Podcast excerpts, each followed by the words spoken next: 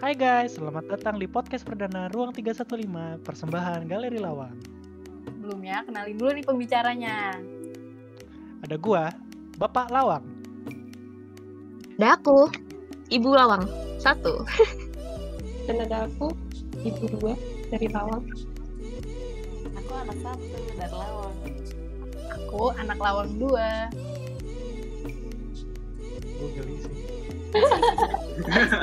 Coba namanya nama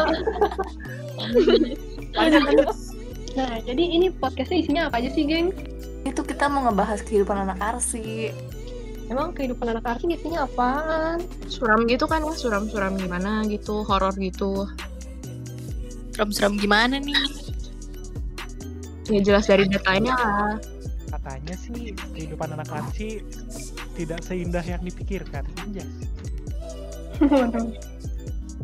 Di dalam dunia kuliah anak arsi itu kayaknya apalagi kita-kita ya mungkin agak suram-suram gitu, serem-serem gimana gitu. Cuman gue masih gak mudeng-mudeng banget sih, habisnya gue goblok sih jadi Mungkin karena kita belum digaji. Oh, mungkin karena kita belum digaji jadi budak. Terus kita yang disuruh bayar. Oke.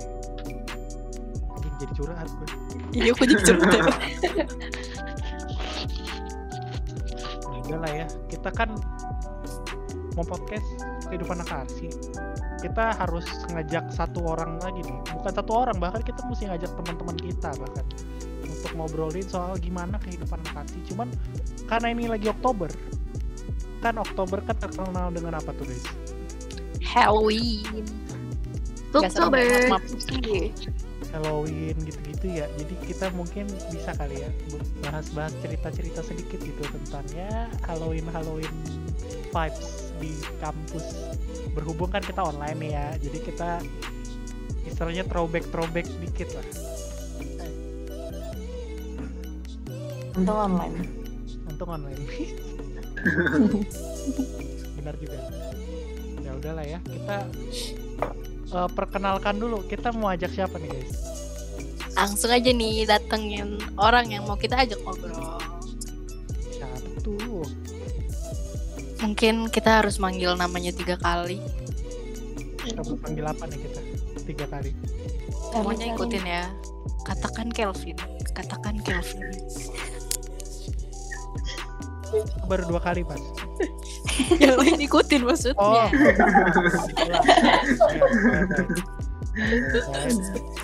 Satu, dua, tiga. Kelvin Oh itu nggak. Ya, Kelvinnya bingung ya lah ya. Kelvin, Kelvin, Kelvin, keluarlah kamu.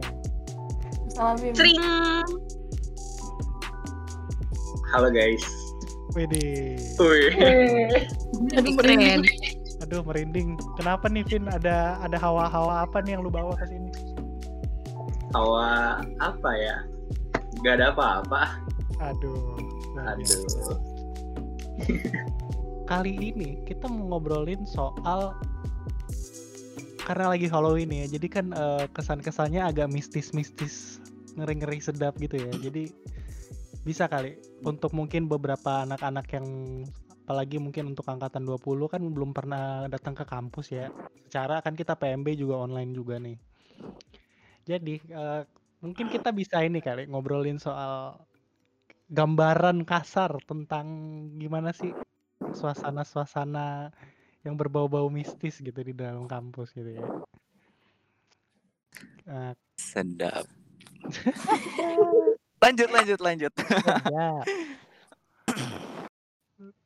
Nah, untuk lu Vin nih, kan Oke. ya pasti kan lu kan pernah jadi maba dong pasti. Oh iya, pernah.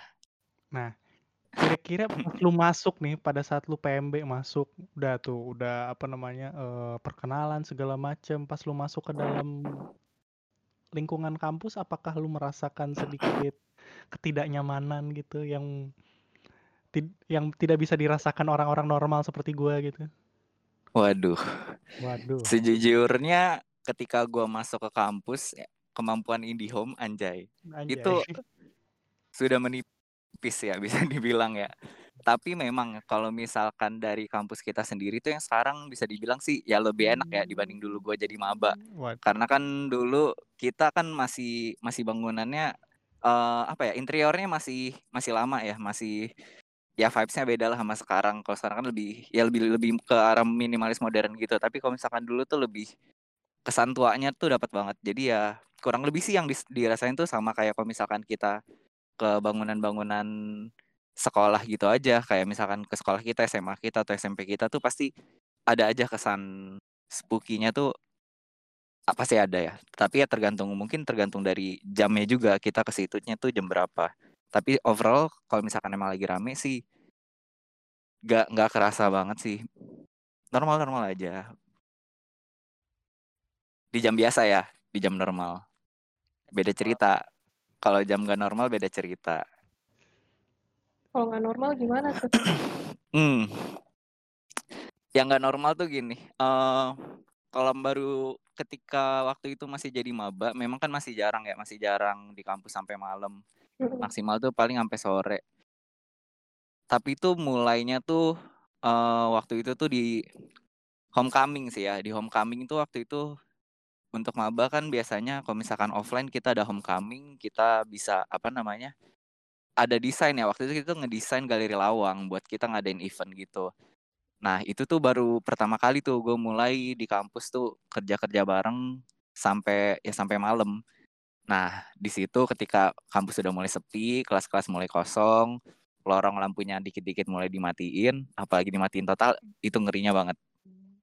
Itu ya ngerinya banget. Bukan gue doang sih yang ngomong gitu, gue juga ada kenal satu sih satu temen gue yang bener-bener angkatan gue juga emang masih indie home sampai sekarang kayaknya sih tapi yang pasti di saat itu dia jelas sangat lebih peka ya dibanding gue dan ya dia juga mengkonfirm beberapa hal di yang dia lihat langsung ya kemampuan dia ini masih peka banget lah sampai masih bisa ngeliat dengan jelas gitu dan ya seperti yang gue rasakan beberapa teman gue rasakan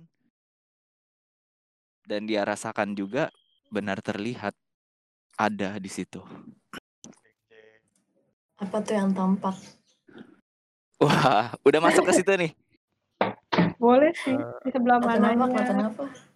Iya, boleh deh. Sebelum pada saat lu masih maba, sebelah mana mungkin bisa dikasih ancar-ancar mungkin biar mungkin Oke, pada oke. saat kita udah offline pada berburu hantu semua ya. We don't know. Menarik sih itu ya. Kalau misalkan karena ya karena kita juga homecoming kan di galeri di galeri Lawang. Jadi jelas yang kelihatan itu adalah penghuni galeri Lawang. Widih. Wah, takut ya. Pertama mungkin di situ ya. Oke. Pertama mungkin di situ. Gimana? Mau next clue lagi ada di mana-mana lagi atau Jadi selama ini selama kita mengurusi galeri lawang selama offline itu kita diliatin ternyata ya. Luar biasa. Kita dipantau ya. selalu Jadi ada dia di situ? Jadi tidak hanya Tuhan beserta kita tetapi penghuni sebelah juga beserta kita ya. Luar biasa. Benar-benar sih. Dia selalu ada kok di situ. Wow. Mungkin bisa kasih clue sedikit itu sneak peek di sebelah mana gitu kan ya. Oke. eh di- dia tuh sebenarnya di bagian kalau kita masuk galeri lawang ya. Jadi kita menghadap ke galeri lawangnya, kita masuk buka pintu gitu ya. Nah, kalau kita Oke. lihat dia itu posisinya di pojok kanan, pojok kanan belakang yang ada jendela itu loh. Oh, itu. Hmm. Ya, di situ. Nah, di situ eh, sampai sekarang sih terakhir gue lihat ya, seingat gue di itu kan sekarang kita pakai jadi gudang. Di situ tuh Hmm. ada sampai sekarang tuh masih ada satu lemari, lemari model kayak lemarinya di gudang bursa ya, yang dari apa sih dari bahannya apa gue nggak tahu tapi bukan kayu atau apa gitu. Nah itu tuh lemari itu udah ada dari gue nggak tahu dari kapan tapi ya dipakai terus dan sampai sekarang pun masih ada. Itu dia di atas itu. Wow. Waduh. Ya.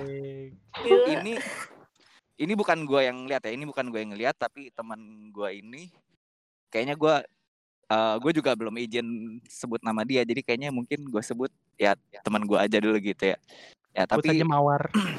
iya si mawar mawar ini eh, confirm kalau misalkan dia ngeliat di situ emang lagi berdiri ya dia gua gua nggak lupa ya berdiri atau duduk tapi dia maratin terus di situ Wih, selalu di situ masih masih dia liatin ya. iya untung Masih saya pantau. gak bantu ini ya gak bantu Iya. bikin nih Iya, Nggak bantu ngedesain. homecoming kan kita antara mau seneng sama sedih juga kan. gue pilih seneng sih kayaknya sih Saya senang dibantuin tapi kok agak serem, Agak terbang terbang serem. sendiri. Tapi, Tapi dia deadline ganggu lebih itu? mengerikan. Enggak sih Ganggu dia dia sebenarnya nggak ganggu cuman cuman diem gitu aja sih. Nggak untung ya nggak mengganggu cuman ya tapi kalau misalkan sebenarnya gini kalau mengganggu nggak mengganggu secara umum nggak mengganggu berarti ya. Tapi kalau misalkan untuk mereka sendiri dengan mereka menampakkan diri itu sebenarnya ya udah terbilang kategorinya mengganggu ya buat yang bisa ngelihat ya karena kalau misalnya mereka mau nggak menampakkan diri sebenarnya bisa-bisa aja gitu Wih, Mm, tapi kalau jatuhin barang, nyenggol-nyenggol, nyolek-nyolek itu enggak sih. no. itu enggak. Tapi ngaruh lah ya ditutupin sama partisi gitu. gitu. Lumayan lah tertutup. gua gua nggak ngerti juga tuh ya apa dia bisa lihat tembus partisi apa dia jadi bosen kan gak lucu tuh.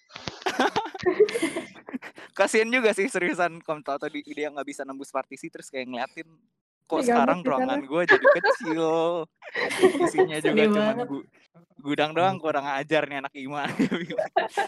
Kok mungkin dia jadi lebih seneng gitu, weh gue punya ruang private gitu. wah tinggal harus ditanya ini introvert atau extrovert Habis ini kita wawancaranya itu kali ya. Waduh Mawar. Waduh, harus Silakan hati-hati ya. nih kayaknya kalau misalkan live rekamannya silakan ya eh, untuk anak-anakku, silakan wawancara sendiri. Saya tinggal liatin aja ya. Maaf nih, mohon maaf nih mohon maaf nih. Eh, Saya kalau saya tidak seberani itu. ya kalau gue mantau biasa ya Kalau masalah ngomongin ini nih, kalau misalkan kita biblioteknya di Lawang nih, keren gitu kan. Tapi masalahnya eh, yang perlu ditanya tuh, kalau misalkan kita menyebutkan ada apa dan siapa dan semacamnya di tempat itu sebenarnya ngaruh gak sih? Apakah kita jadi di notice mereka? Atau... ngaruh meskipun kita nggak eh, sebenarnya gini kalau eh, indie home itu kan soal cuman persoalan peka atau nggak peka beberapa orang Lagi memang kita di ini nih monetasi sama ini waduh nama-namanya dipakai mulu. hmm. harus minta sponsor ya Ju ya iya, sponsor kita. Kalau indie home itu kan masalah peka nggak peka jadi meskipun kita nggak bisa ngelihat atau kita nggak peka nggak bisa merasa dengan dengan apa dengan pakem gitu ya di situ ada kerasa ini itu segala macam tapi sebenarnya kita sedikit memang ada gitu karena seperti namanya indera keenam kan. Ini salah satu bagian dari panca indera teorinya sih kayak gitu yang gue baca-baca ya. Nah jadi ketika kita meskipun kita nggak peka ketika kita ngomongin mereka mereka tuh juga bisa notice mereka juga ngeh. Dan beberapa dari mereka bahkan ada yang gak senang kalau misalkan diomongin. Gitu kayak yang di lawang panggilnya- kenapa? Walaupun kita panggilnya kayak itu-itu gitu misalnya. iya mereka bisa notice kan kalau misalnya kita menyebutkan detailnya atau kita ngelirik-lirik kode-kode mereka juga bisa ngerti kayak yang di lawang sendiri pun gua nggak diceritain langsung karena gue cuman ngeh-ngeh doang feeling-feeling doang ketika gua keluar dari lawang baru nyampe di ini di yang dulu bata merah ya yang di depan kedokteran depan mail shop Oh, ya. Ya di situ ketika gue tanya ke teman gue ini dia juga masih belum mau cerita. Jangan Devin ini masih dekat ceritanya nanti aja di kosan. Nah jadi emang jaraknya pun gak harus dalam satu ruangan aja sebenarnya. gitu. Ketika kita ngomonginnya juga general nih, kita ngomongin lagi si hantu jenis A, hantu jenis B, yang di sekitar kita tuh juga bisa ngerasa terpanggil juga itu bisa. Gitu. Ciri-cirinya tuh ciri-cirinya tuh kita biasanya kalau misalnya emang yang kita ajak ngomong itu kuat gitu ya antara kuat atau emang dia jahil iseng atau memang emang ada niat sesuatu gitu yang kita omongin ini bisa efeknya tuh kita ngerasanya biasanya capek kayak ti- tiba-tiba capek lemes atau enggak palanya berat. Terus biasanya berat sih berat palanya rasanya kayak ada tekanan gitu aja. Nah itu biasanya tuh hilang ya habis mandi atau enggak habis habis sholat gitu ya nah ini kurang lebih kayak misalnya kita habis dari kuburan habis ngelayat Nah, itu kan emang tempat yang istilahnya bisa dibilang katanya banyak itu kan ya. Makanya kenapa kita disuruh mandi? Ya kalau dari beberapa agama, kepercayaan termasuk keyakinan ya, eh, keyakinan dalam artian turun temurun ketika kita habis ngelayat kuburan gitu kita disuruh mandi itu emang untuk kita menurunkan atau ngehilangin efek efek dari eh, mereka yang tak kasat mata ini gitu termasuk katanya kalau ada yang ngikutin atau apa itu bisa dinetralkan dengan ya mandi atau berdoa gitu Ini Kayak gitu. usah mandi kan? kenapa Ini habis podcast nggak usah mandi kan ya kita? eh siang sih kayaknya nggak nggak begitu sih lah yang nggak nggak begitu Nggak, lihat ya ya guys. nggak seperlu itu sih tergantung yang objek yang diomongin ya Tapi kalau Gitu. misalnya untuk untuk di luar galeri lawang ada nggak sih kan maksudnya eh, Arsi Untar kan kalau di gedung teknik kan nempatin dua lantai sekaligus tuh. aha Kira-kira ada sih? ada di sebenarnya kalau buat di lantai 7 sama 8 sendiri ada lagi itu di depan S2 nah ini temen gue yang indie home yang lain lah. Ada ada ya berarti udah dua ya temen indie home gue yang gue ini. Indigo kok. Indihome. Oh iya, udah Kita bisa. Indigo. kasihan ya indie home ya ada satu temen gue lagi yang indigo beda orang ya. Jadi udah ada total tuh dua yang gue sebutin di podcast ini dua teman gue yang indigo. Ini juga sama kuatnya juga lah.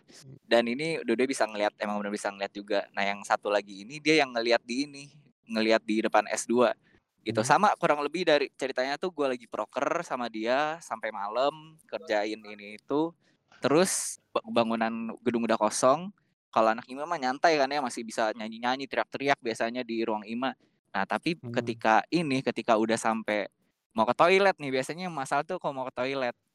Nah pilihannya kan toilet yang di depan Fisbang atau enggak toilet yang di depan S2 nah itu Iya. biasanya udah sama-sama gelap nah nggak tahu sejarahnya gimana tapi memang di situ kalau di depan S2 itu ada dia wujudnya Wih, yang di lawang tadi belum diomongin wujudnya ya. Yang ini dulu deh. Waduh. Wujudnya tuh siap-siap guys. Iya, kurang lebih. Ya kan dibayangkan biar biar bisa hidup ya. Ayo lo. Jadi nggak mau tahu. Gue gue lagi deket untar nih. Tadi kuntar. Komputer nih. Siang ini gue kuntar nih mau ada ketemuan sama Bu Marsia, mau ada rapat, kayaknya bisa titip mau ada yang titip salam. Gue rapat di S2. Waduh. minta izin di feature aja mungkin di podcast gitu kak mau diviralkan gitu ya mohon bantuan kami butuh konten gitu kak ampun Untuk konten. mohon maaf nih kak gitu oh, Ya bisa nanti kalian nanya tuh. Yang di Waduh. lawang introvert atau ekstrovert? gue muter balik deh. Kayak ini nggak jadi kuntar.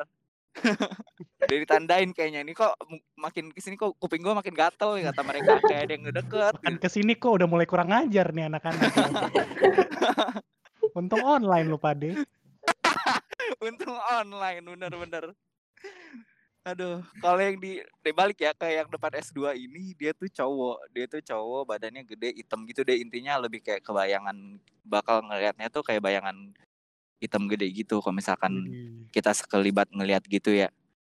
Gitu yang ini lebih lebih kuat sih, istilahnya lebih energi yang dia pancarin tuh lebih kuat gitu, lebih kerasa dibanding sama yang di sama yang di Lawang. Mungkin karena yang di Lawang lebih banyak aktivitas kali ya. Terus kita juga emang biasa sampai malam di situ. Tapi kalau di S2 itu depan S2 tuh berarti yang sekarang ini ya. Yang ruangan yang gede kosong itu loh yang banyak meja-meja. Ah, yang di situ tuh emang masih sepi kan. Apalagi kalau malam bener-bener itu dimatiin lampunya dan gelap. Itu paling ngeri sih. Jadi beberapa anak yang emang peka disaranin langsung dari temen gue ini ya gue dari gue pribadi gue juga yang sebagai yang ya cukup ngerasa juga gue nyaranin lebih enak ke toilet ini sih. Toilet yang di depan Fisbang meskipun sama gelapnya. Rada horor juga tapi ketika udah sampai situ lebih lebih ini dibanding depan S2 Vibes-nya beda. gitu. iya beda. Gitu. Kalau dilihat sih sama aja jalannya Hmm. lorong-lorong gelap gitu. Tapi ya pas udah sampai toiletnya ya lebih enak. Gitu Soalnya pantus ada kakak tingkat yang lain kan kalau misalnya lagi malam-malam kan dari ruang IMA kan pada mau ini kan. Atau dari lawang dah. Ah. toilet pasti pada minta temenin, pada minta temenin. Terus gue kayak sebagai orang orang yang tidak percaya, iya sebagai orang yang tidak percaya kan kayak tidak percaya dan tidak peduli kayak apaan sih gitu. Ya udah gue gue ke toilet sendiri gitu.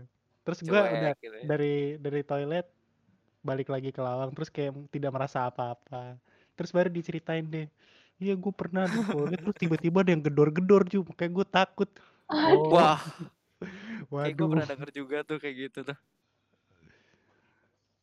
Kan jadi kayak agak sedikit parno sendiri ya. Cuman karena gimana ya kalau udah di RC kan banyak tugas banyak kerjaan. Apalagi kalau masuk himpunan kan pasti ya ada mau proker-proker nggak yang mau gitu ya iya jadi kayak lu udah stres sendiri terus ketemu gituan jadi kayak apaan sih? Ganggu banget. Udah Gitu-gitu. cukup beban hidup gua gitu. Iya. Ya, jadi gimana nice ya? nice nice nice. Tapi ternyata dari pandangan kak bapak Kelvin ini ternyata memang ada ya makanya cukup log cukup logis oh ya dengan ini loh bukan hanya pandangan terkonfirmasi. Oleh beberapa Iya. orang indigo. Cukup terkonfirmasi ya. Mm-mm. ya mungkin kalau yang emang indigo mau konfirmasi ulang silakan sih. Mau memastikan silakan. Cukup kak cukup. Aduh. Kalau di lantai tujuh sendiri gimana lantai tujuh tuh gue nggak pernah denger sih ya kalau di lantai tujuh At- apa karena mungkin memang kegiatannya di situ jarang atau gimana tapi belum pernah sih sampai sekarang karena kan biasa lantai tujuh kelas doang kan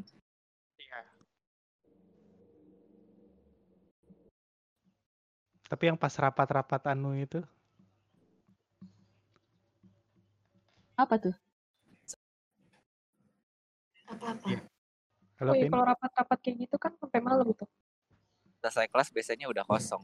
Nggak ada selepas jam 5 gitu ya biasanya udah nggak ada kegiatan lagi di lantai Iya. tujuh karena emang ruangannya kelas-kelas doang. Tapi nggak ada sih sejauh ini. Nggak ada. Oh, gue belum dengar cerita ya.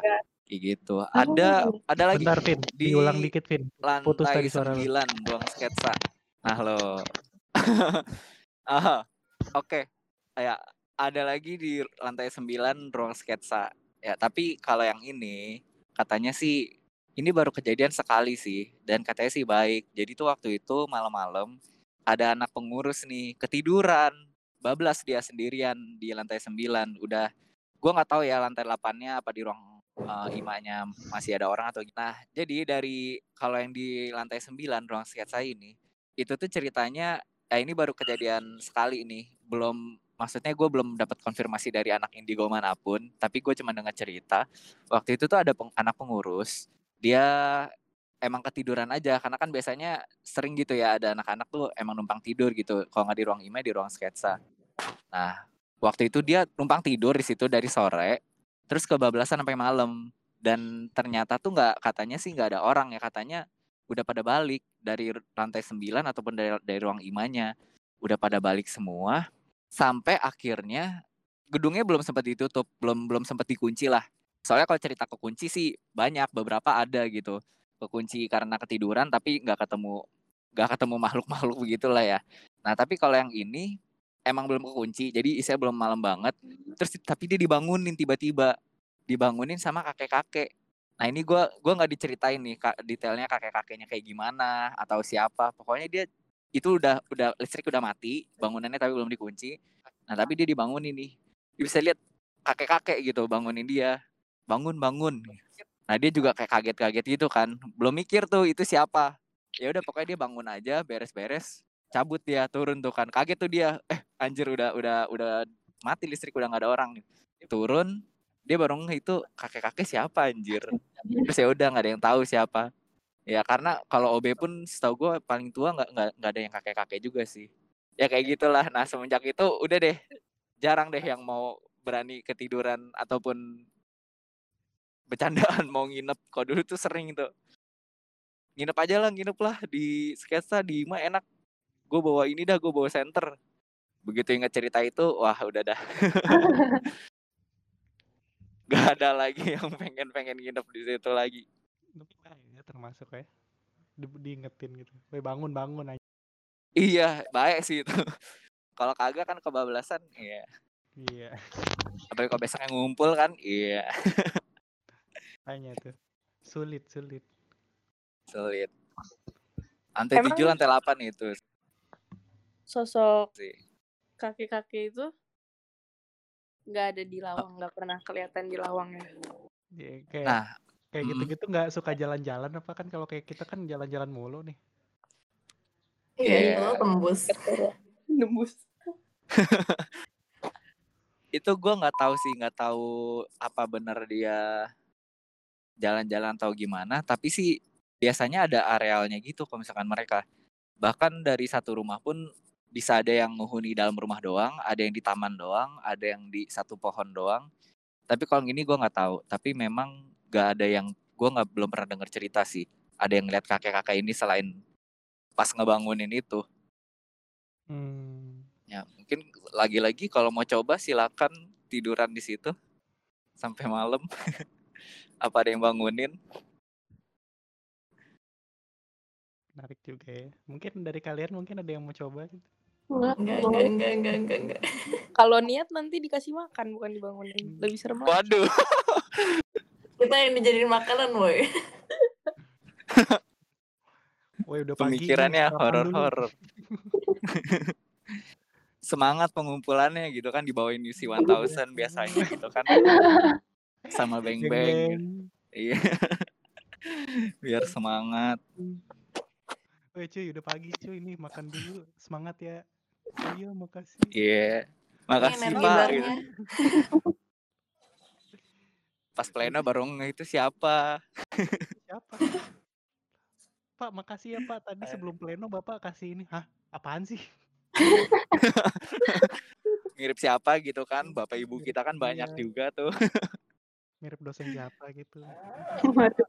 kok Bapak bisa tahu saya di situ? Hah? Apaan sih? Lu ngomong apaan? Baru itu sih di lantai 7 sama lantai 8 termasuk ruang sketsa tuh belum belum belum belum ada lagi cerita. Tapi kalau kita ngeh gitu ada ada sesuatu gitu di situ, kita mestinya kayak kabur kayak atau atau so berani gitu atau gimana tuh? menjadi tanaman mungkin Iya. Sebenarnya sih cuekin aja, tergantung ya. Kalau misalkan emang lu ngerasa nggak nyaman, pergi pun juga nggak masalah gitu. Ngerasa takut pun, pun gue juga sebenarnya gini, kalau ngerasa takut tuh justru bikin kita makin peka buat ngerasain dia gitu. Bikin kita makin terfokuskan buat oh, ada nih di sini di sini di sini gue harus pergi dari sini. Nah, itu kayak gitu biasanya. Tapi kalau misalkan kita memang ada kepentingan, ada keperluan, dicuekin aja sebenarnya nggak masalah.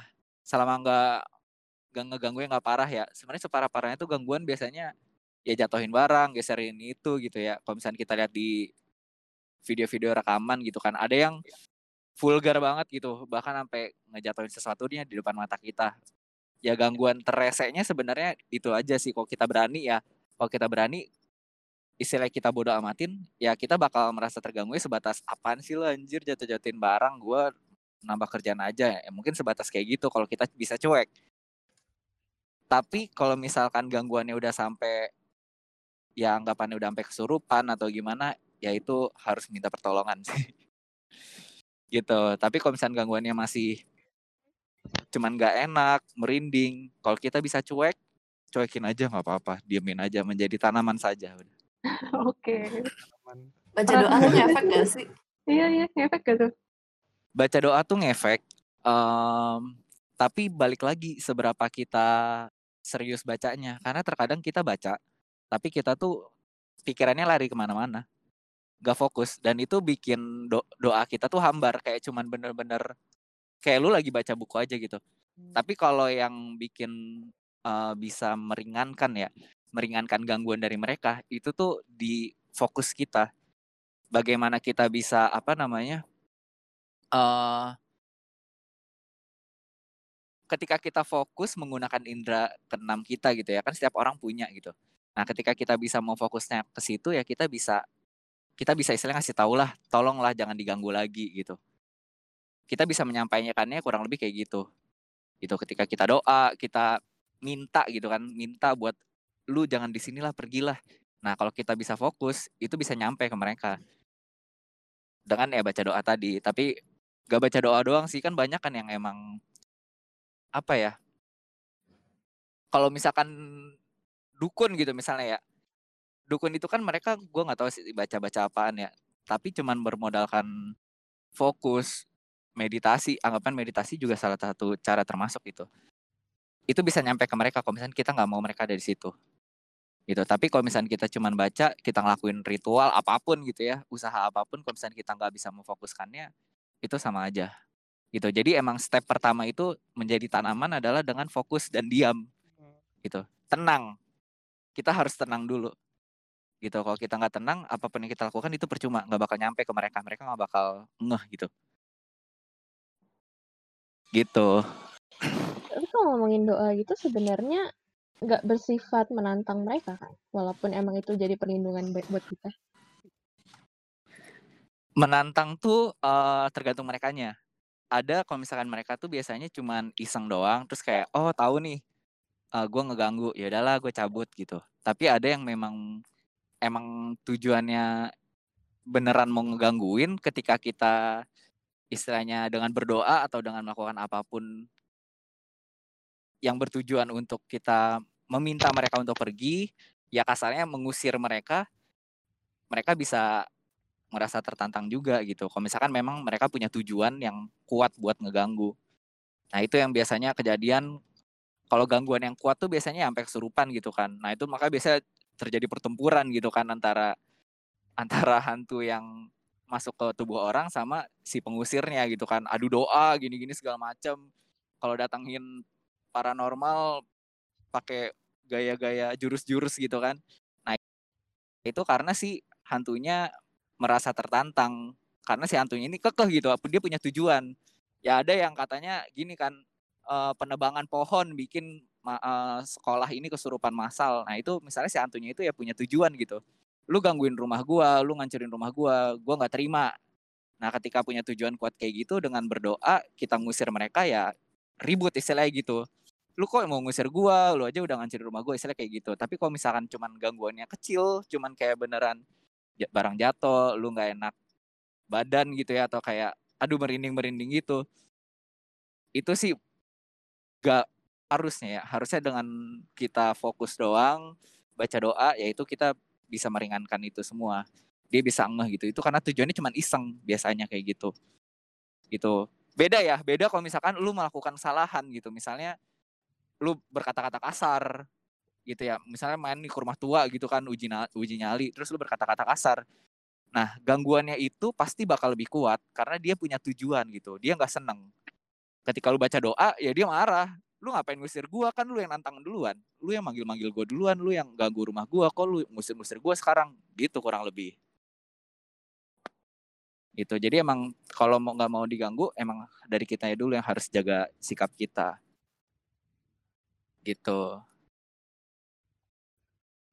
Eh ada lagi nih gue baru inget. Di pernah denger nggak lift? Ini nggak di RC sih di lift uh, lantai ini Vicom sorry ya Vicom di lift yang mana gue lupa. Sampai masuk line today loh waktu itu. Wow. Uh, uh, jadi tuh, oh gue jadi inget juga ada cerita lagi. Jadi gini pertama yang di lift Vicom dulu ya. Di Vicom itu uh, katanya ya ada cewek nih. Ada cewek lagi nggak tahu sih katanya sampai malam gitu kan. Terus dia ya turun naik lift itu itu tuh katanya nanti suka ada uh, hantu cewek lagi nyisir gitu terus biasanya dia bakal nawarin mau mau sisiran juga nggak gitu Nah itu katanya sih kita nggak boleh ngelihat muka dia, sama kita nggak boleh ini, nggak boleh nerima sisir itu. Dan kalau dia nanya apa pun nggak boleh kita jawab pokoknya. Itu di gedung Vkom depan ya. Itu kayak gitu. Terus soal lift lagi adalah ini. Di lift singkat gue lift belakang deh. Ini yang cerita dari dosen. Dari dosen dia cerita malam-malam dia baru balik nih. Nggak uh, malam juga sih maghrib gitulah ke arah jam 7 dia memang lagi balik malam karena katanya nunggu suaminya. Nah si dosen ini uh, ini gue denger ceritanya langsung dari dia. Pas dia mau turun lift eh dia baru masuk lift ya. Ada mahasiswi cewek gitu kan pakai baju biasa uh, celana jeans gitu-gitu. Nah udah gitu di ditanyain kamu ada kegiatan atau baru selesai atau habis ngapain? Gitu. Dia cuma ngangguk doang katanya gitu. Pas sampai bawah dia keluar si dosennya ini. Terus ada satpam disapa kan karena kan dosen. Nah disapa nih sama satpamnya ibu mau mau balik mau pulang? Iya gitu. Terus pas ibunya nengok belakang eh mahasiswinya udah nggak ada. Terus dia tanya ke satpamnya pak mahasiswa yang tadi turun bareng saya di mana ah nggak ada bu gak ada yang turun bareng ibu, ibu sendirian dari tadi pas keluar dari lift saya lihat gitu kejadian di lift.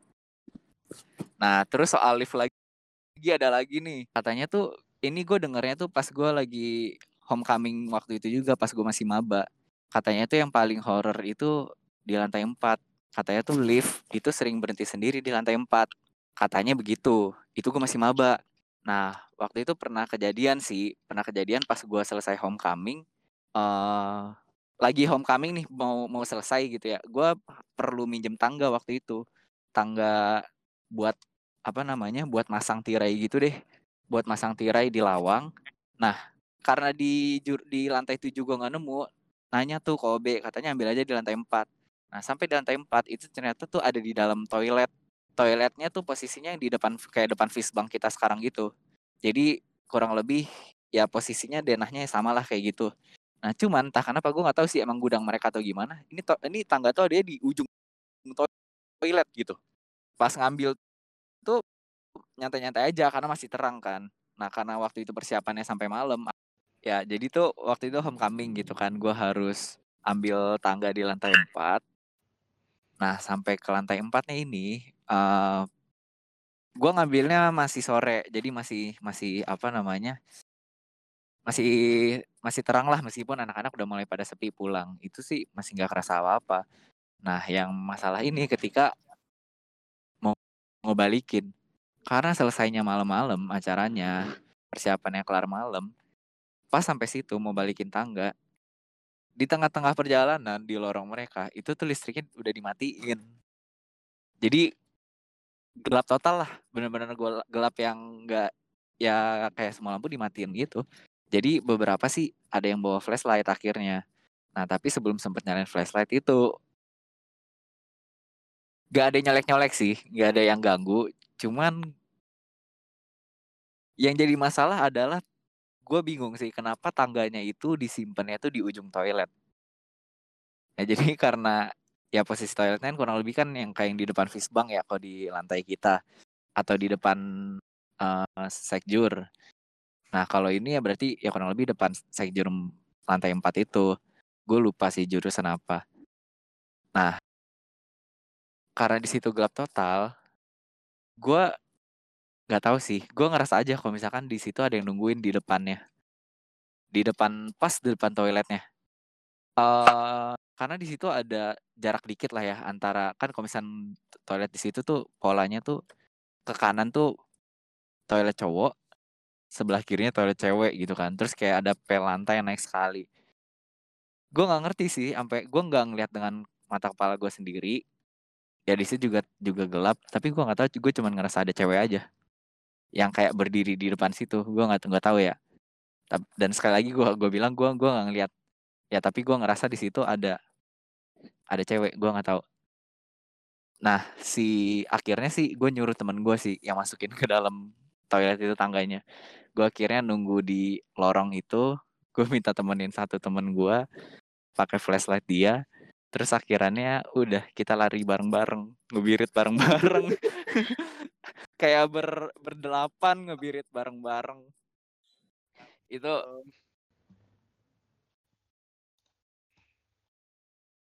Gimana Ju? Sorry. Berdelapan dong langsung.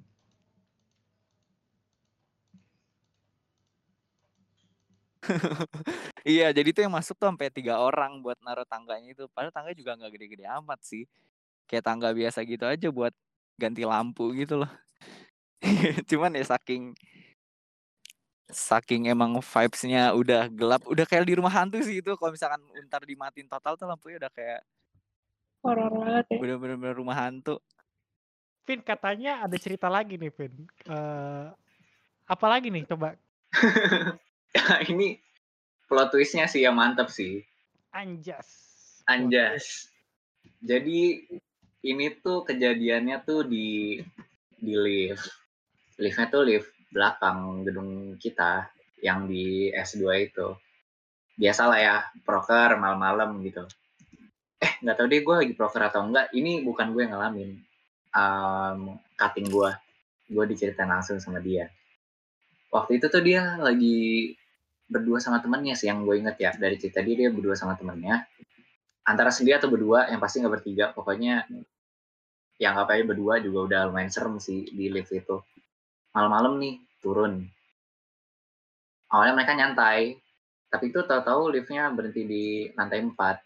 Tapi ya biasalah kebuka, tapi nggak ada apa-apa di situ.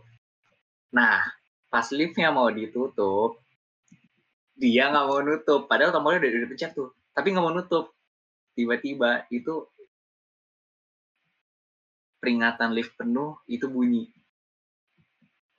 jadi tahu-tahu bunyi aja gitu nit gitu padahal nggak ada nggak ada orang yang masuk dan nggak ada orang juga yang di luar jadi pintunya kebuka gitu aja nggak ada orang nggak ada yang nggak ada siapa-siapa nggak ada yang masuk sama sekali tapi tahu-tahu itunya bunyi. Dan kalau misalkan apa ya alarm liftnya bunyi kan dia makin nggak bisa ditutup kan. Ya udah dia begitu aja beberapa saat panik. Ya akhirnya berhenti sendiri sih alarmnya terus dia turun. Tapi itu nggak ngerti deh tuh turunnya jadi nambah temen atau atau yang tadi iseng masuk keluar lagi itu itu lumayan ya GG sih. Gue nggak pernah sih kalau kalau sampai liftnya bunyi. Terus Kalau- hmm kenapa kenapa? Kalau kayaknya kalau masalah lift di belakang itu ya, hmm, kurasa nggak cuman satu orang yang ngalamin, soalnya udah beberapa orang ngalamin. Sebenarnya ini yang bikin bingung sih, antara emang ada sesuatu atau emang liftnya kenapa-napa sesuatunya itu. Jadi bukan masalah hal itu, tapi bisa juga emang karena kesalahan. Iya, karena ini kejadiannya nggak cuma sekali, karena sendi aku sendiri juga pernah ngerasain gitu. pas Mau siang, ngalamin, mau malam gitu. pas lu ngalamin apa tuh rasanya itu Eh, mungkin gara-gara sering diceritain kayak gini kali ya. Kayak, eh, ah, ah, waktu itu pernah waktu itu pernah kejadian gini nih, terus aduh kayak parno sendiri, eh ini beneran gak sih atau yang ya gitu. Tapi ya gara-gara itu jadinya kayak either halusinasi atau emang kayak ah ini nggak apa-apa kali cuma liftnya doang kayak parno aja sendiri. padahal mah liftnya ya ya bisa jadi. Tidak ada yang udah tahu. sih Disclaimer aja nih bagi yang dengar, bagi yang dengar, kalau misalnya kalian merasa eh, dirinya penakut banget gitu, nyadar diri aja gitu ya. Disclaimer aja. Kalau misalnya takut silakan berhenti dari sekarang. Saya sudah peringatkan. Cuman kalau kalian merasa penasaran, silakan dengarkan. Mungkin ada yang mau juga testimoni langsung gitu bisa ngobrol gitu ke galeri lawang ya. Atau mungkin bisa juga merasa ah ini nggak bener nih ini salah nih. Nah, bisa dibuktikan sendiri. Tapi tolong jangan ajak saya gitu ya. Saya takut. Atau mungkin ibu satu mau diajak juga Ibu satu ini sangat pemberani sangat pemberani nih dibanding. Waduh, boleh nih.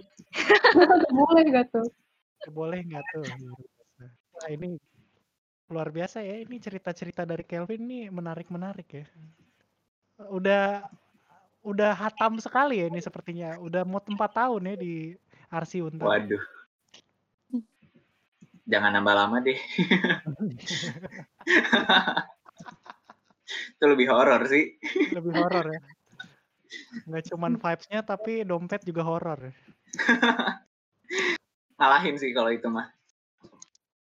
Eh, Oke. Nah, kebetulan nih kan nggak cuman nggak cuman kita-kita juga nih yang bakal cerita, nggak cuman kita-kita juga yang istilahnya mengalami. Ada juga nih responden dari teman-teman kita dari sobat-sobat Instagram Galeri Lawang, Anjas. Anjas. Bisa kali kita coba cerita-cerita sedikit. Oh iya nih netizen. Eh, beberapa dari netizen kita ibunya ada yang alumni nih guys. Wis, alumni. Waduh. Eh, jadi beberapa dari netizen kita ibunya ada yang alumni anak kedokteran di tahun 85. Eh, terus Wow. ibunya kayak punya kemampuan kemampuan gitu guys. Waduh, kemampuan apa tuh? Kemampuan merasakan dan melihat teman-teman tak kasat mata di Untar. Wede. Eh, jadi dia ngasih beberapa cerita nih guys. Jadi di lantai dua gedung kedokteran itu ada pintu yang modelnya pintu geser gitu kan. Terus pintunya tuh digembok. Nah di situ tuh ada cewek yang suka munculin diri. Terus tiba-tiba bisa nembus lewat pintunya gitu. Ada, ada. Asik ya? Luar biasa, kayak ngecit gitu ya. Asik gak sih lagi kedokteran, pusing-pusing. Tiba-tiba ada yang nembas-nembus. Itu Nembus-nembus. malam-malam ya? Atau gimana nih? Apa siang-siang juga dia ikut joinan? Wah suasananya nggak diceritain sih. Waduh. saya Mungkin pagi, siang, sore, malam. Wah, intens ya. Ya, rajin mungkin. Anaknya aktif ya, Bun? Iya, anaknya aktif. Duh, agak merinding ya. Gue agak merasakan dingin-dingin gitu, dingin-dingin dimandiin. Tapi emang sih. Gimana tuh? Gimana tuh? katanya ya kalau misalkan mereka itu mereka tuh gue pernah denger aja dari ada orang lah yang pernah pelajarin ini em, kenalan gue dia sekarang sih eh, dosen sih dosen di di salah satu jurusan di RC juga gue emang ketemu di seminar gitu.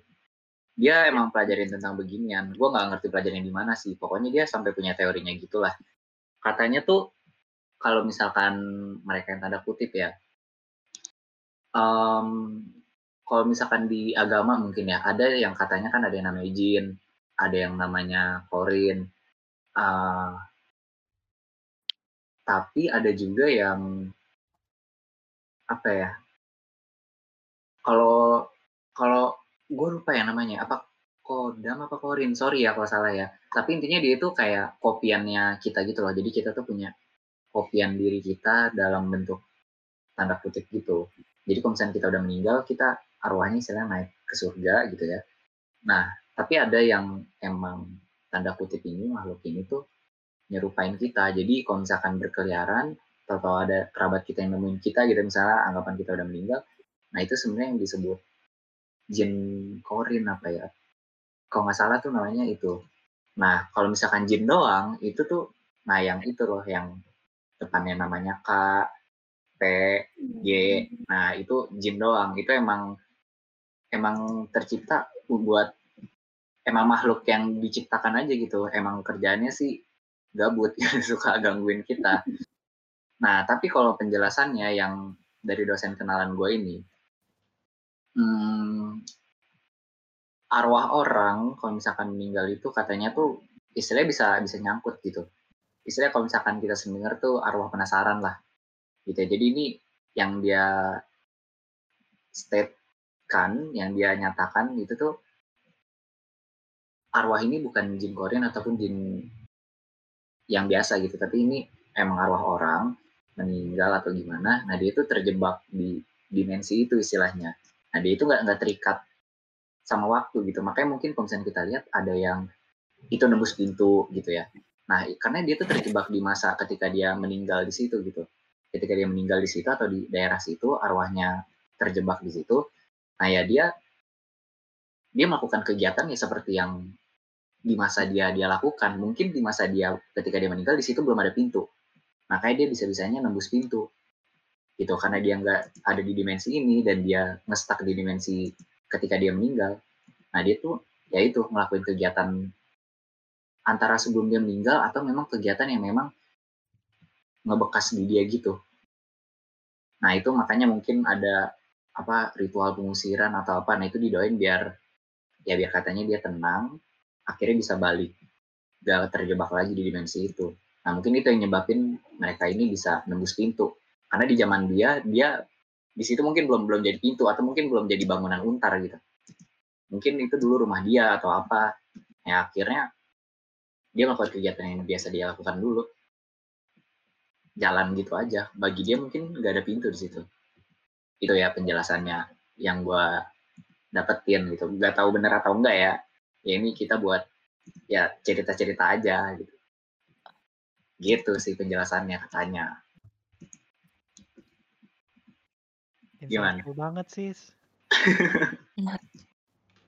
tapi aku pernah dengar juga sih itu emang ada yang menyerupai dan ya aku cukup maksudnya dibilang saya nggak percaya ya tapi aku lebih percaya yang teori tadi kamu sebut sih di mana ada yang menyerupai di walaupun itu maksudnya bukan sebenarnya bukan arwah yang baru saja meninggal atau semacamnya. Hmm. Ya, mungkin ya tergantung kepercayaan orang masing-masing kali ya. Iya, benar sih. Gak ada yang gak ada yang pernah buktiin juga sih ya kebenaran uh -uh. gimana. itu. Gimana gimana? Biasa. Gue sampai speechless loh mau ngomong apa. Di mana coba ya dapat pengetahuan kayak gini? Iya makanya. Iya. Sebenarnya tuh banyak ya, sebenarnya banyak. Pasti kita juga sering sih dengar cerita-cerita hantu gitu di sekitar kita lah dari dulu. Tapi mungkin balik lagi kali ya ke interest orang-orangnya. Karena kalau gue memang orangnya interest, jadi itu dari zaman dulu, kalau misalnya memang ada orang cerita dan mungkin uh, daya ingat gue lumayan gitu ya, terhadap hal-hal yang gue interest makanya gue bisa inget gitu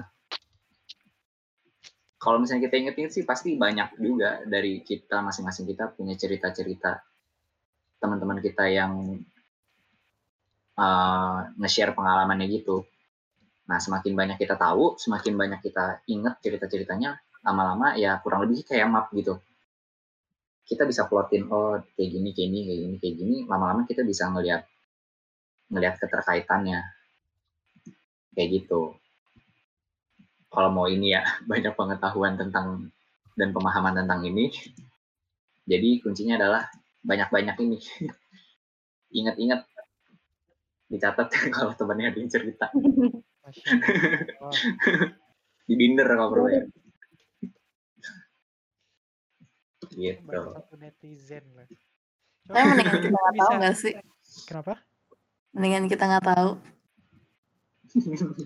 ya itu. Kan jadi kayak ah. Lebih tenang uh, ya kita. sebenarnya bukan lebih nggak tahu sih ya kalau aku personal ya. Tahu itu bukan jadi masalah tapi cara kita menanggapinya. Dan kalau misalkan emang jujur lebih enak nggak bisa melihat sih kalau bilang. Soalnya aku juga nggak bisa ngeliat ya. Kayak ya peaceful aja gitu hidupnya. Udah cukup berat sih gitu ya. Udah nggak usah di itu ya. Iya betul. Super sekali ibu satu ini. Super sekali. Tapi menurutku asal tahu cerita, anggap aja kayak oh ini suatu cerita yang menarik untuk didengar. Tapi untuk dipikirin, misalnya kayak apalagi banyak beberapa orang yang habis nonton film horor atau dengan cerita horor nggak bisa tidur tuh. Kayak menurutku tergantung sih, tergantung cara orang responnya gimana. Tapi menurutku asal nggak kita nggak bisa merasakan dan nggak bisa ngelihat dan dia nggak bakal ganggu juga menurutku itu nggak masalah gitu. Jadi menurut kalian gimana? Setuju, super sekali. Super sekali yang satu ini. Jadi pernah ada yang balik malam dari kampus pas dia semester 1. terus lewat di bagian lorong kedokteran uh, yang bagian ruang mayat terus ada satu orang iseng ngomong kayak iya nih hati-hati nanti ada yang ngikutin lagi sambil bercanda-canda tiba-tiba aja loker yang ada di lorong kuncinya keputar sendiri man wah Waduh. Ada yang ada yang ini nih, ada yang terganggu nih menurut, menurut saya nih, ada yang terganggu. Ada yang tersindir. Ada yang tersindir. Atau ada yang ingin membuktikan. Itu. Waduh. Uh, membuktikan keberadaannya. Aku di sini. Padahal gue padahal gue ada dua kali loh ngomongin itu sama teman gue. Cuman pada saat makan siang sih, gue cuma bilang kita lewatin ruang ini loh. Udah kelar. Mungkin aja lorong eh lorong. mungkin aja loker yang ada di belakang lu kuncinya keputar sendiri juga ju. Cuma nggak lihat. Iya bisa aja mungkin gue nggak tahu kali ya. Iya.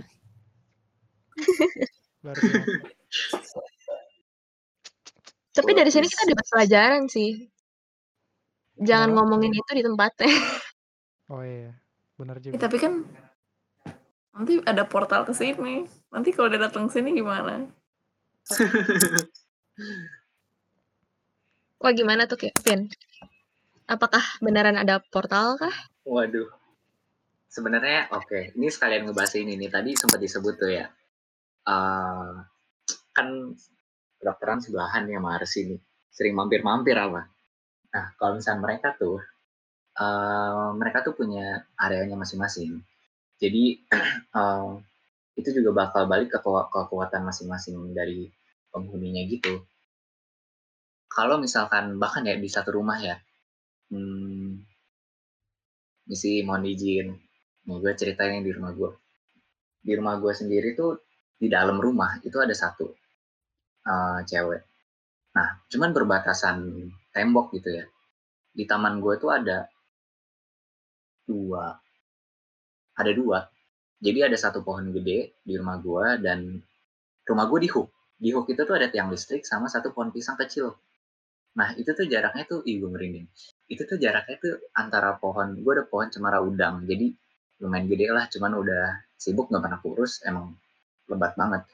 Nah, di rumah gue ada satu, di taman gue itu tuh di tadinya ya, tadinya tuh ada satu juga, tapi bukan di pohon cemara itu. Nah, gue belum dengar lagi nih yang ada di taman ini ke mana, apakah pindah atau enggak. Tapi yang pasti ini beda. Jadi ada satu datang terus dia netep di pohon cemara udang gue. Nah, beberapa minggu kemudian ada satu lagi datang dia menetap di uh, tiang listrik dan pohon pisang itu. Itu jaraknya tuh nggak ada satu meter. Jadi bener-bener ya taman, depan gue ada taman, pohon, terus di hook ada tiang listrik. Udah kayak jaraknya sedekat itu itu mereka bisa bisa beda gitu penunggunya dan kalau misalkan kita mau mindahin uh, itu tuh kita butuh izin gitu misalnya ya ada ya emang ada yang bisa ngomong ya sama mereka itu tuh bisa diomongin gitu minta mereka buat pindah gitu ya tapi hati-hati juga jangan sampai pas kita pindahin misalnya kita pindahin ke pohon sebelah ternyata di pohon sebelah juga ada penghuninya. Nah jadi ntar ribut. Kalau ribut yang dicari orang yang minta tolong itu. Gitu jadi beda pohon aja itu beda bisa beda penghuni. Gitu jadi termasuk di kampus misalnya. Mungkin bisa jadi emang ada beberapa penghuni dalam satu lantai gitu. Mungkin yang satu dia megang dua tiga ruangan gitu. Yang satu lagi cuma satu ruangan. Nah itu tergantung kekuatan masing-masing. Dan mereka nggak bisa seenaknya. Main-main gitu loh. Nggak bisa seenaknya masuk ke ruangan areanya penghuni lain. Gitu mereka tuh kayak nggak bisa masuk aja gitu kayak bertolakan gitu energinya. Gitu kayak kemarin gue tuh hokinya gini. Sempat kan tuh rumah gue di ada yang ngirimin lah nah karena yang penunggu asli rumah gue ini uh, emang kuat gitu kirimannya itu tuh nggak bisa masuk. Jadi dia cuma di taman doang. Cuman di enggak dia enggak enggak di taman. Cuma di depan depan taman gue di jalanan. Jadi dia mondar mandi di situ aja. Ini yang ngasih tahu uh, kenalan gue lah ada kerabat. Jadi dia emang bisa ngeliat gitu gitu awalnya juga gue nggak nanya ke dia tapi memang karena apa namanya karena gue udah ngerasa nggak enak rumah gue udah diganggu ganggu segala macem ngobrol akhirnya di, dikasih tahu sama dia diceritain. Nah jadi yang ngirim ini makhluk kirimannya itu nggak bisa masuk ke rumah gue gara-gara ada ada penghuni asli di rumah gue yang lebih kuat. Dan dia jadi cuma berkeliaran aja di taman. Gitu dan setiap jam tertentu tuh anjing gue berisik bener-bener sampai berisiknya tuh sampai sampai kayak ketakutan banget dah. Bukan kayak marah bukan kayak ngomongin orang nggak dikenal tapi kayak dia buat pengen kabur gitu dari dari kandangnya gitu. Nah termasuk yang di kalau misalkan di kampus atau di rumah kita itu tuh space-nya kita nggak bisa nggak bisa tahu lah. Kecuali emang ini ya emang kita punya kemampuan gitu kita bisa lihat dia netapnya di daerah mana aja. Dan kalau misalkan memang ada daerah kosong ya itu bisa aja dia mampir ke situ. Dan bisa aja ada yang di luar kampus malah yang datang dan ngisi. Itu bisa jadi kayak gitu gitu. Jadi kalau misalkan dari kedokteran mampir ke arsi bisa bisa jadi. Tapi tergantung di arsi udah ada yang nungguin atau belum. Gitu. Dan kalau misalkan sampai mampir ke rumah kita sih tergantung posisi kita di mana ya. Kalau misalnya kayak istilah gue di rumah gue sekarang gue di dalam rumah ada penunggu asli di rumah gue jadi kalau misalkan dari mana pun nyamperin ke sini ya mungkin dia nggak ini ya dia nggak ya nggak bisa masuk karena udah ada gitu. Tapi itu pun jarang ya jarang kejadian sampai istilahnya karena diomongin atau gimana gitu ya. Emang sih biasanya ada yang nggak seneng diomongin. Tapi biasanya nggak nggak sampai nyamper. Kecuali kita ngomongin di tempatnya ya. Nah itu biasanya dia kadang iseng. Kayak ya itu muter kunci tadi. Nah tapi kalau misalnya itu gue belum nemu sih teorinya gimana. Belum pernah dengar ceritanya reasonnya gimana mereka bisa nyentuh benda. Itu gue belum tahu alasannya gitu. Tapi emang bener emang bener. Karena terlalu banyak terlalu banyak cerita benda-benda di sekitar kita digerakin sama mereka. Itu banyak banget pastilah. Kita juga sering denger lah pasti atau pernah denger lah dari teman atau kerabat kita. Ya yang kertas tahu-tahu ditarik yang pintu tahu-tahu di gagangnya dibuka tapi nggak ada orang. Itu pasti ada aja lah cerita-cerita kayak gitu. Itu tapi gue belum tahu alasannya gimana mereka bisa nyentuh benda. Gitu sih ya gila pakar untung, banget ya. Untung ini ya kita memanggil Kelvin ya yang istilahnya juga sudah beberapa kali belajar tentang hal ini gitu. Kita juga mendapatkan respon dari netizen juga ya untuk cerita-cerita yang mungkin bagi kalian para pendengar yang nggak pernah merasakan khususnya bagi para kita bagi kita kita juga nih. Ya gue sih nggak pernah merasakan ya atau mungkin pernah merasakan cuman nggak peduli karena terlalu banyak tugas gitu. it happens all the time. Jadi gitu sih. Ya gitu sih kalau dari kami. Kalau dari saya. Jadi dia lagi habis kelas. Terus di jalan di lorong lantai lima gitu. Terus emang di lantai itu banyak banget kan yang aneh-aneh terus pas lagi jalan itu tiba dia ngerasa kayak ada yang ngikutin dari belakang sama merinding. Terus makin lama berasa kayak makin banyak gitu kayak dikelilingin gitu sampai pengap rasanya. Padahal di belakang tuh nggak ada orang. Terus emang ternyata tuh di belakang itu banyak yang ngikutin sampai ngerumunin kan. Baru bubar pas udah di tempat yang rame. Jangan-jangan yang, yang di lantai lima itu yang masuk liftnya ini lagi. Yang bikin penuh lift cerita eh, gue tadi waduh itu berhenti di lantai berapa mah nyambung lantai empat sih itu jangan-jangan nih ya jangan stomp ada ini lagi ada koloni anjir rame Tapi kadang lantai 6 juga loh. Mengapa setiap lantai ada? 4, 5, 6 sih. Gue jarang jalan-jalan ya. Lantai Eh, tapi- 7 jarang banget. hantu tuh saling ngobrol gak sih atau cuman diem-dieman dah cuman lihat-lihat Ngobrol kok harusnya. Ngobrol Harus. mereka. Hmm. Ngobrolinnya tuh apa gitu, kayak penasaran deh. Kayak bro, lagi ngapain? kenapa Lagi ngesengin orang nih bro. Eh, ada cerita ini. Kemarin tuh eh sepupu gue ada yang bisa ngeliat gitu. Terus dia tuh lagi lagi zoom online kelas terus katanya gini eh dia tiba-tiba pindah ke mobil gitu gue diceritain mamahnya terus katanya mager ah di kamar. Ini ada ada yang masuk berduaan malah ngobrol berisik gangguin aku zoom. Gitu. Wow.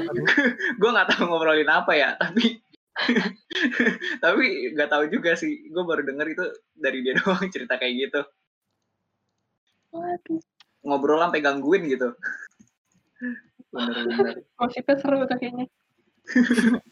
tapi gue nggak pernah denger sih dia kalau misalkan ada yang ngobrol kayak gitu ngobrolin apa gitu Gila guys, kalau misalnya kita denger-denger ya dari cerita-cerita ini ternyata behaviornya itu tuh nggak nggak aneh-aneh gimana-gimana banget ya, nggak kayak yang di pikiran kita tuh. Kalau di film-film tuh kayak rasanya tuh mengganggu banget gitu, mengganggu kehidupan masyarakat gitu. Tapi ternyata pada saat kita denger-denger ceritanya tuh kayak kayak gimana ya? Kayak gua ngeganggu si Kelvin aja gitu muncul.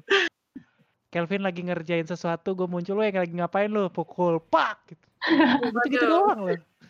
Atau kayak misalnya Kelvin lagi nulis gitu, terus gue ambil pennya gitu. mungkin tergantung ini kali ya mood iya Ya, tergantung mood. Luar biasa. Kalau lagi kesepian baru dia nyari temen. biasanya memang kalau lagi diganggu sih baru mereka beraksi tuh Jadi sebenarnya cuma tahu batasan dan seharusnya kita sampai mana sih ya. Makanya kalau di tempat yang angker gitu kan ada suka ada peringatan tuh. Jangan ngomong kata kasar ya, jangan buang sampah sembarangan ya. Memang Ya, tuh ya. asal asal kita tidak mengganggu, we live our own life, harusnya tidak masalah. Seharusnya.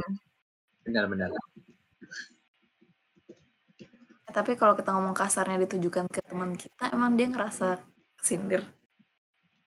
Eh, tergantung sih, masalah kalau menurutku ya personal ya. Ya kalau misalnya di kampus ya, ya itu emang namanya kampus gimana sih? Atau enggak kayak di mall ya, ya biasa aja gitu. Tapi maksudnya ini kalau konteksnya mungkin tempat bersejarah kali ya. Karena Hmm. emang memang itu kita tahu itu tempat yang sudah lama juga dan emang pasti banyak itunya. Jadi kayaknya tahu tempat aja sih. Tentunya kolot berarti ya. kalau yang gue tahu benar sih kayak gitu juga kalau misalkan di gunung atau yang gitu-gitu tuh karena itu memang tempat suci yang dikeramatkan gitu tapi kalau misalkan memang di kampus atau emang ke rumah kita itu tuh biasa-biasa aja sih nggak nggak sampai gangguan yang diikutin kesurupan. Kan biasanya gitu kan ya kalau misalnya di gunung ada yang ngomong kasar tuh diikutinnya sampai sampai sampai parah lah. Selama bukan tabu sih nggak masalah sih. Itu kalau di rumah sendiri doang aman lah. Atau di kampus harusnya nggak nggak kenapa-napa sih.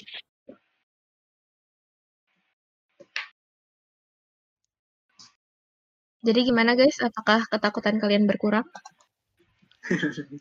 Pernah. Iya, aku jadi merasa agak sedikit relief ya. Jadi ternyata eh, apa hal-hal kayak gitu sebenarnya ada. Ya bagi orang-orang yang percaya, bagi yang tidak percaya, ya itu pilihan sih menurut gue. Yes. anjas Anjay. Anjay. Cuman benar kata Gareth, kata ibu ke ibu pertama Betul. pertama bahwa hal itu kalau kita tahu ya ya udah itu sebagai cerita cerita cerita aja. Cuman bagaimana cara kita menghadapinya itu yang lebih penting. Gila. anjay Kita di Waduh, keren. dari obrolan, obrolan kita ini kita mendapatkan dua hal ya bahwa bahwa apa hayo bahwa kita memang hidup berdampingan ya betul. Kita hidup berdampingan dengan dunia yang tidak kasat mata dan dunia kita sendiri. Dan kedua adalah cara kita menghadapinya itu yang sangat penting. Anjay. Luar biasa. Eh tapi kalau kita cuma ketakutan doang nggak apa-apa kan? Kayak kita ketakutan aja gitu. nggak nggak apa-apa sih itu tahu gue sih pernah denger ya katanya kalau misalkan takut malah makin seneng mereka. Tapi nggak tahu tuh ya bener apa kagak. Katanya makan gitu. oh iya kalau misalkan ceritanya sih katanya gara-gara kalau kita takut kan kita energinya tuh uh, negatif kan. Istilahnya tuh semakin sefrekuensi lah sama mereka. Sebenarnya justru kalau dipikir-pikir bukannya makin diganggu tapi semakin kita takut kita semakin bisa ngelihat mereka gitu. Karena kan biasanya kalau kita takut kan fokus kita kenceng gitu kan kayak ih ada di sebelah situ tuh sebelah situ. Ketika kita fokus ya kita malah makin makin bisa nemuin mereka di mana.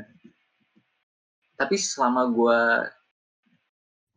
di kampus nggak ada apa-apa sih. Nggak ada yang ngegangguin belum lima. aduh aduh ngeri juga kalau belum gitu. Udah mulai ini ya udah mulai ancang ancang-ancang ya. Belum. Sama gue sendirian di IMA sampai malam. Sebenarnya nggak ada apa-apa sih. Nggak nggak nggak ngeganggu sih kalau di ruangan IMA ya Oke okay guys, mungkin kita cukup aja untuk kali ini. Kita udah banyak banget ngebahas tentang cerita-cerita horor yang dialami oleh mahasiswa arsitektur Untar.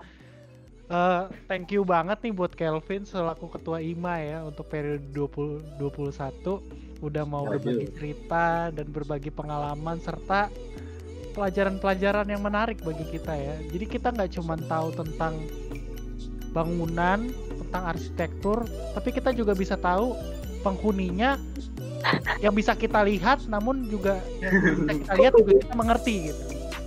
Jadi mungkin untuk ke depannya kita bisa membe apa, memberikan arsitektur yang uh, istilahnya friendly terhadap manusia kasat mata dan tidak kasat mata gitu.